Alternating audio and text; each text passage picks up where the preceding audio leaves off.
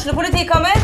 Ine Jansen er purk. Er du purk? The motherfucking bitch. Alt jeg vil, er å finne ut hva som skjedde med mannen min. Jon Carew. Er jeg sikta for noe? Iben Akeli. Det er du. Ole So, Lars Berrum og Big Daddy Karsten. Hvem sin side er du på, egentlig? Anette Hoff, Tone Danielsen, Kommer du fra Afrika? Jørnis Josef, Nesten. Kløfta. Trond Espen Seim, Det er synd å si det, men det var feil mann som døde. Purk. Premiere tirsdag på TV2 Play.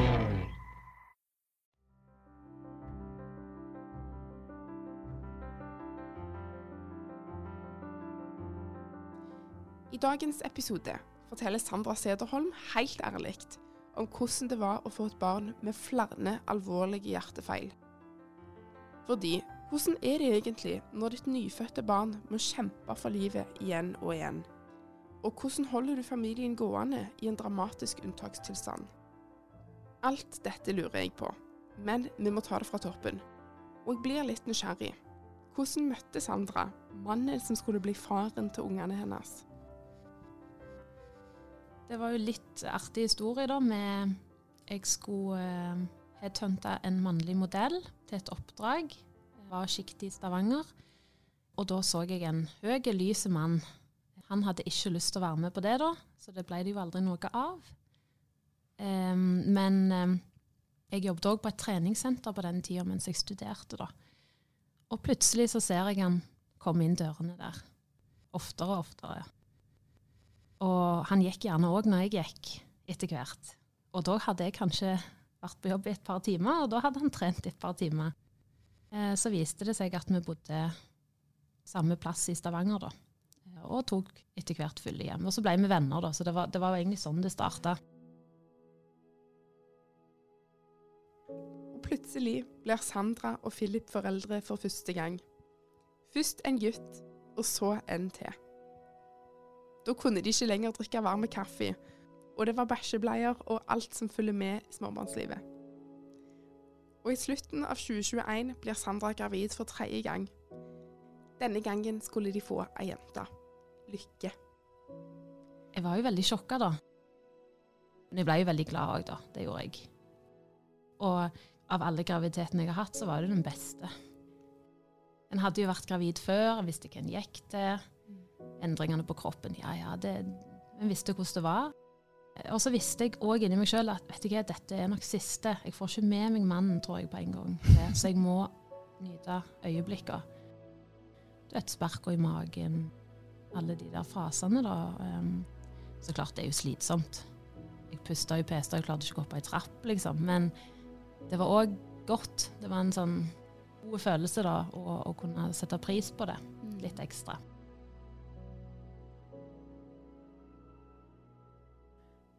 Graviditeten har gått som den skal, men Sandra har fått høre at Lykke i magen er litt mindre enn det hun skal være.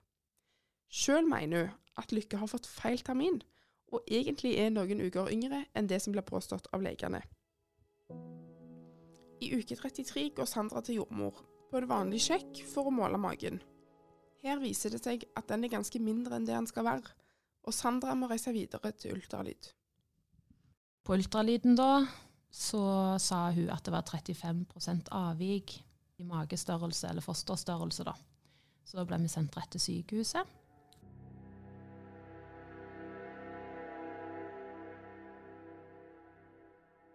Og da fulgtes det flere uker da, med tett oppfølging og ultralyd to ganger i uka gjerne. For å følge med på babyen, at, det, at hun hadde det bra i magen. Og det var jo egentlig tanken at de skulle ta henne ut med en gang. Men det er jeg veldig glad for de ikke gjorde nå, da. I og med at hun ble jo født med en alvorlig hjertefeil. Som de ikke oppdaget på ultralyd, som i ettertid det er veldig mange leger som har sagt til meg det var veldig rart at de ikke gjorde. Men samtidig det var kanskje andre ting de så etter enn akkurat hjertet, da.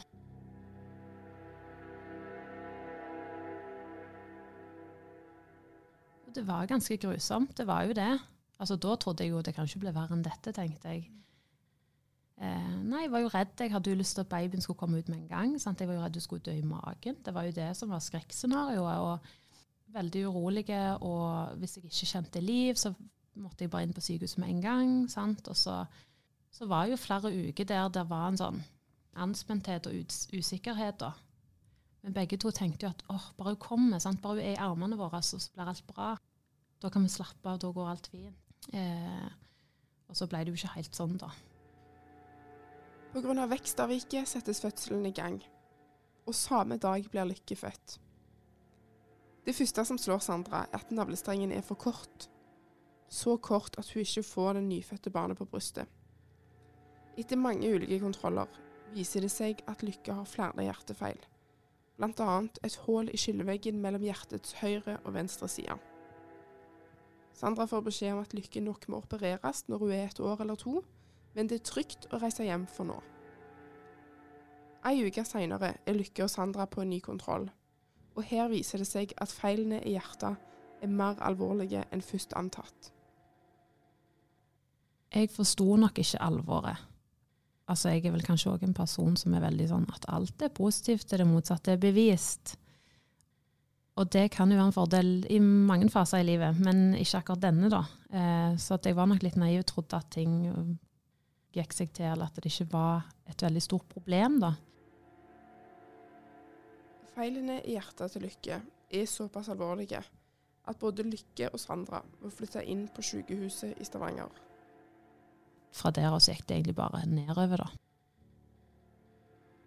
Hun ble bare verre og verre og kasta opp hele tida. Det var vanskelig å holde henne våken. Hun var nesten litt sånn ja, bevisstløs, holdt jeg på å si. Hun var, hun var ikke helt våken. Hun så ut som hun hadde det vondt.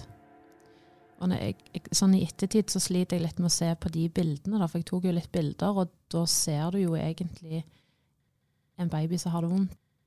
Du ser ikke et avslappa eller liksom sovefjes hos en baby, du ser liksom smerten i ansiktet. da. Det syns jeg er vondt å se. Men samtidig så er det jo Det var det som var den fasen, så jeg kan jo ikke liksom slette de bildene heller. Men vi var jo iallfall der de, de dagene, da bare meg og hun, for man måtte være hjemme med de andre to. Og det, det syns jeg var en grusom fase. Jeg følte meg veldig aleine.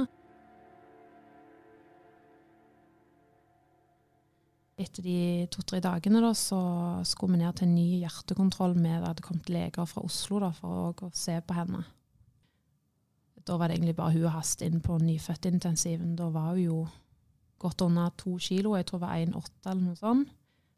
Hun var kjempetynn. Hun var helt grå og oransje i huden.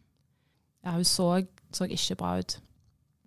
De dagene jeg var barnehagen, da kjente jeg jo at jeg var redd hele tida.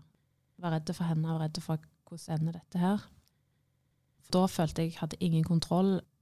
Jeg fikk ikke lov å holde henne alle spurte meg masse spørsmål, det kom masse ledninger, apparater inn, og plutselig så fikk jeg ikke lov å amme henne, jeg fikk ikke lov å løfte henne. Hun måtte bare ligge i sånn spesiell seng. Og ja eh, Det ble veldig sånn sjokk, da. Og så satt der liksom egne folk og passte på hun plutselig døgnet rundt. Og da da kjente jeg at det var liksom alvor, da følte jeg sjøl, og var redd jeg skulle miste henne. Da trodde jeg at jeg skulle miste henne, liksom. Og så var det òg sånn at samtidig så måtte jeg jo pumpe, sant. Jeg, jeg følte jo at det, det var jo det jeg hadde, liksom. Det jeg kunne gi til henne, var jo Nei, det var jo eh, Det var det jeg kunne gi til henne. Det var melka. Sant? Det var det eneste jeg kunne gi som mor. Derfor var det veldig viktig for meg å få til den pumping og amming og sånn, fordi jeg sto der hjelpeløs ved siden av. Jeg kunne ikke holde henne, jeg kunne ikke trøste henne, jeg følte ikke jeg kunne redde henne. Men jeg kunne henne mat. Og det ble liksom mitt prosjekt. Det ble kanskje til og med litt sykelig når jeg liksom alltid skulle holde på med den pumpinga og, og, ikke gi det opp, da for min egen helse så burde jeg sikkert gjort det, men jeg følte så sterkt at dette er det jeg kan gjøre for henne, og ingenting annet. Og da måtte jeg gjøre det, liksom, for min egen del òg. Så jeg styrte på med det eh, til alle døgnets tider. Og, og, det er klart at det, det kommer jo ingen dråper ut når du sitter med angst eller frykt eller redd eller eh, sitter blottlagt på en intensivavdeling. der leger og all slags folk springer forbi hele tida, og ting skjer. Men, men jeg gjorde det allikevel. Og jeg ble jo liksom, Det er jo derfor jeg tar litt til tårene nå, kanskje, fordi det var tøft. Det som gjorde at den opplevelsen ikke var helt grusom, var jo de ansatte. De var veldig omsorgsfulle, og det var nok folk på jobb der som alltid kunne se deg. Og det betydde veldig mye hvordan den personen behandla deg, fordi du hadde det så vondt at du tålte ingenting. sant? Eh, du tåler ingen endringer. F.eks. hvis du flytter ungen din, eller du får en eh, sykepleier du ikke har sett før, som ikke kjenner ungen din. Det, det er veldig merkelig. Jeg tror, jeg tror, du må ha opplevd det for, for å forstå det kanskje litt. Men alle endringer oppleves sårt eller vanskelig, eller du blir redd. Sant? Så det, det, at de skaper trygghet og sånn, det har jo mye å si. Eh, men til tross for det, så var det jo, det var jo en vond periode. Jeg fikk jo ikke ta med ungene inn der. Eh, det var flere uker da jeg nesten ikke så de to hjemme. Så jeg gikk jo med en konstant sånn dårlig samvittighet fra de. Tenkte på om de lengta etter meg, om de følte seg svikta. Altså, det er jo lett at der tankene dine havner, da. sant? Sånn grusom mor, og de var på besøk, og så utagerte de kanskje. Slo meg eller sparka meg og var sinte på meg. Og så er det jo ikke så mye du kan gjøre. Men altså, jeg var jo lei meg over det hele perioden, da. At jeg måtte være ifra de. For det føltes jo ut som jeg vågte over ett barn og miss, hadde allerede mista to andre, da. Vi hadde jo et oppussingsgalskap hjemme òg, sånn at det, ja, det var jo ikke lett for han hjemme heller å holde på med det helt alene. Kjøkkenet skulle rives akkurat når vi var i den verste fasen der i Stavanger, og han måtte legge gulv og flytte rundt på ting. Altså, det, dette er jo snart et år siden, og jeg finner ennå kjøkkenutstyr rundt i huset, så jeg fatter ikke hvordan jeg havna der. sant? Men det er klart han måtte bare gjøre det han kunne gjøre, da. Da var jo han kanskje to måneder uten kjøkken, med to små unger hjemme som ikke gikk i barnehage. Altså, det var jo heller ikke lett. Når du har det så vondt òg, så det er ikke alltid lett å ta telefonen og ringe rundt. Jeg syns det Eh, det var lettere å liksom sende en SMS 'Nå skjer det og det', eller Eller så begynte jeg òg å skrive litt på Instagram hvordan jeg hadde det. Jeg følte det var lettere å bare liksom Nå har jeg sagt det til alle hva som skjer, eller hvordan vi ligger an. Og da kunne jeg ta det når det passet meg, da. Når Lykke er fem uker gammel, flyr hun sammen med mor og far i ambulansefly til Rikshospitalet. Her skal de se enda nøyere på hjertet til Lykke. Og vi hadde jo bare pakket for to-tre to, dager, liksom, i tilfelle, men vi endte jo opp å være der tre uker. Og når vi kom der, eh, så hadde de masse undersøkelser av hjertet og, og, formen hennes generelt, og sa vel egentlig med en gang at hun må bare opereres så snart som mulig. Denne uka, liksom. Og der eh, der var det egentlig enda verre å være, for det, Rikshospitalet der sender de liksom spedbarn fra hele landet med worst case-sykdommer eh, eller hva det måtte være. Så det var veldig mye sånn alarmer som gikk hele tida. Det, det var liksom krisesituasjon hele tida, og selv om det ikke alltid er din unge, så sitter du ved siden av. Det blir en spesiell stemning. Folk går og griner. Altså, jeg har aldri sett så mye folk grine i mitt liv som jeg så der. Det er en sånn litt dyster stemning, da. Og så er det jo òg det at hvis, eh, hvis alarmen går hos en, en, baby som ligger ved siden av din, da må du ut. Da får du ikke være der, sant? for det er kanskje livredning og sånn som skal i gang. Og selv om en har veldig forståelse for det, så er det jo òg veldig vondt å ikke være med sin unge. Av og til kan det være en time, av og til kan det være ti timer. sant? Og det skjedde jo før operasjon, da. At det var en unge ved siden av henne. Eh, da fikk ikke vi komme inn og da hadde jeg jo den angsten i meg. Åh, nå skal ungen min opereres. Tenk hvis ikke hun overlever, og de siste timene, da er jeg ikke med henne. Så det var det som for liksom rundt i mitt hode da. Og det var grusomt. Og så begynner du òg å tenke på alle ting hun ikke har gjort. Alle ting som hun kanskje ikke får gjort. Sant? Sånn eh, åh, sitt første ordentlige bad eller komme og gå på en trilletur i skogen, eller du vet sånne helt basic ting som du gjør når du får en baby. Nesten ikke tenke over. Og det var så sårt. Så den som, som var eh, inne på nyfødtintensiven i 10-11-tida og bada ungen sin, det var meg. For hun skulle bade før operasjonen. Jeg vet ikke, jeg bare fikk det for meg at det, nei, hun skal i alle fall få gjort det eh, i sitt liv hvis det er siste gang jeg ser henne. Eh, og det, jeg ble så lykkelig av å bade min egen unge. Det er helt utrolig. Og hun våkna jo litt, og hun var, var, sleit jo veldig med å være våken. Og når jeg la henne nedi, så bare våkner hun med øynene, og så bare ser du føttene bare spretle som om hun aldri har gjort noe annet. Hun fikk en glede, og det var så godt å se. Og så tenkte jeg ja, OK, nå er jeg klar, nå, nå kan hun opereres. Tankene er jo overalt. Eh, hva hvis hun ikke overlever? Liksom, jeg skulle vært hos henne hele natt. Da hadde jeg dårlig samvittighet, for jeg hadde sovet noen timer på natta. Eh, ville jo følge henne inn. Jeg fikk ikke være med inn. Så det var jo òg veldig sårt, da. Selvfølgelig stolte jo på teamet der, men det er jo veldig lett å tenke ja, men min unge blir den som det ikke går bra med. Fordi det er jo de det ikke går bra med. sant? Det er lett å tenke det når du står i den situasjonen. Men når de rullet meg inn på, på, operasjonen, da, så sa de gå og gjør noe kjekt, henne til sentrum eller annet. Men da var jeg så utmatta. Jeg, jeg, bare la meg ned og måtte bare sove. Så jeg sov i mange timer mens dette på foregikk, da.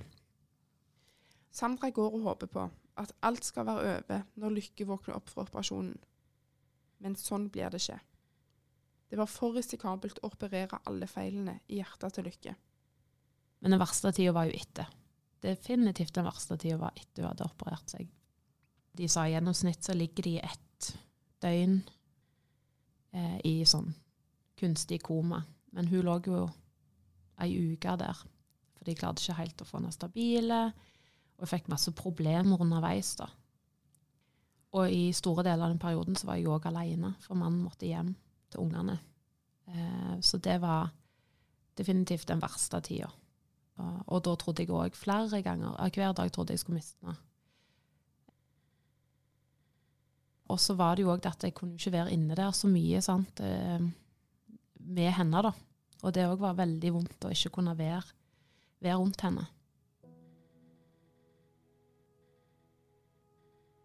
Tida står stille hos deg, men ikke verden rundt, da. Så da delte jeg òg en del faktisk på Instagram, for jeg måtte bare få ut tanker og følelser, få det ut en plass. Eh, så fant jeg ut ok, kanskje ikke alt der. Kjøpte meg ei bok, så kan jeg skrive ned tankene. Og det følte jeg hjalp. Fikk, eh, fikk litt ro i sjela av det. Og så var det òg veldig vondt å se henne etter operasjonen. Hun var jo i en slags Ja, i et koma, da. Og så veldig annerledes ut, hele kroppen.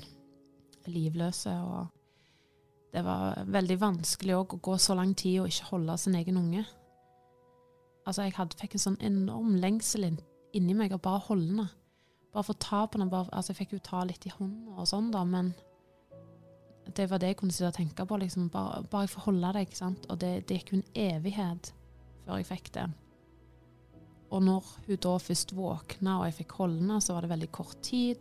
Hun hadde jo veldig masse sånne pusteapparater, og det hylte og skrek i alle disse apparatene. Og hun hadde jo masse ledninger i halsen og i lusken, som de gitt medisiner og alt mulig inn i. Så det var jo veldig sånn Du var jo veldig redd òg for å holde henne, da. I tillegg så var hun jo på veldig sterke smertestillende. Eh, så du var jo ikke helt til stede. Jeg sleit jo litt med å få inn mat. da.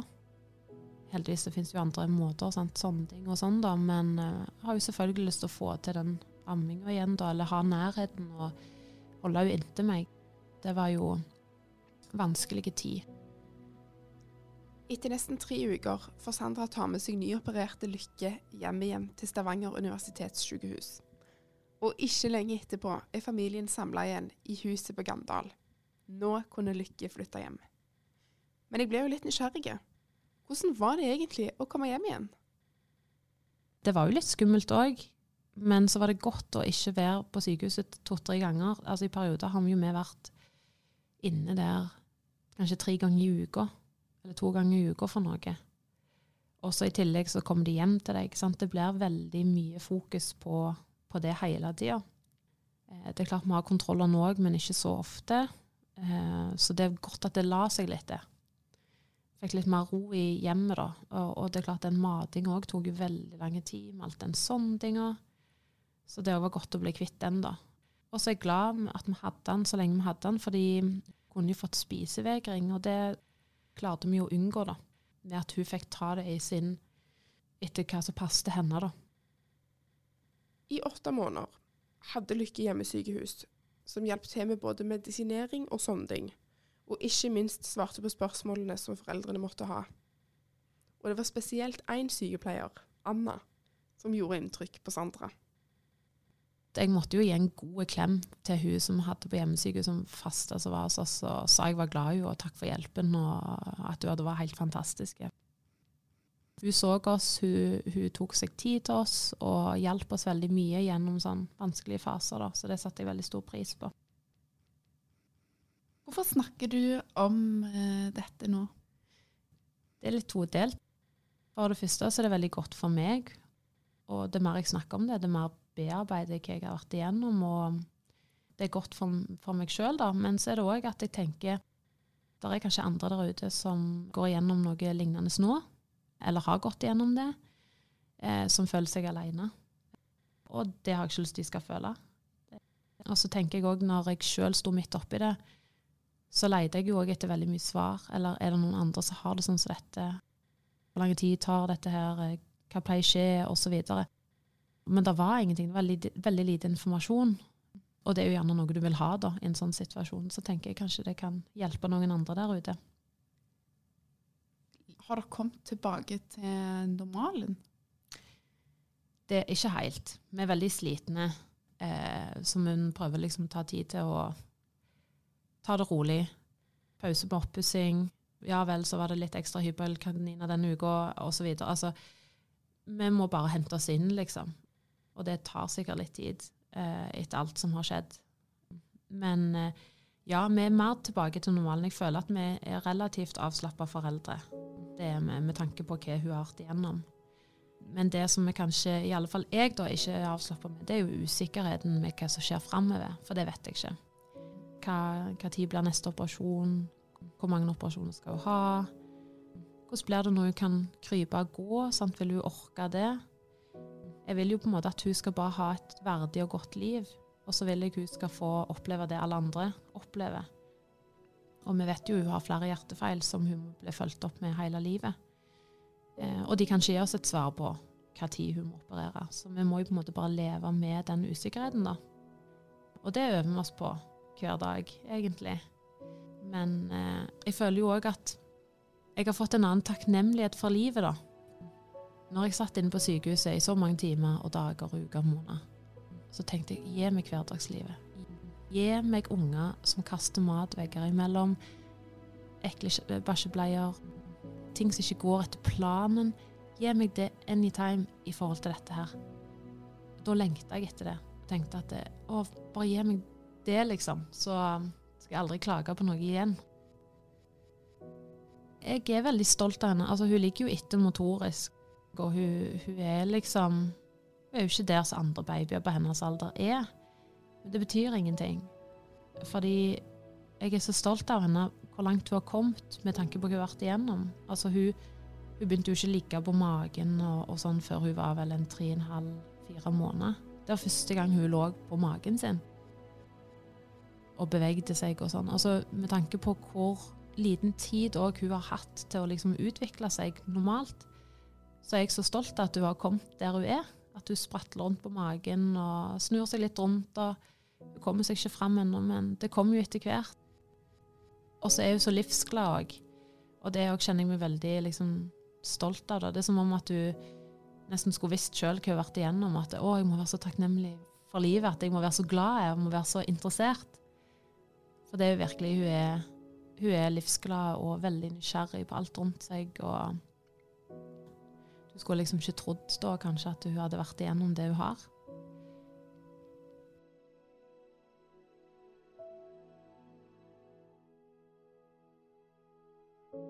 Du kan lese enda mer om Sandra og historien hennes på sandnesposten.no.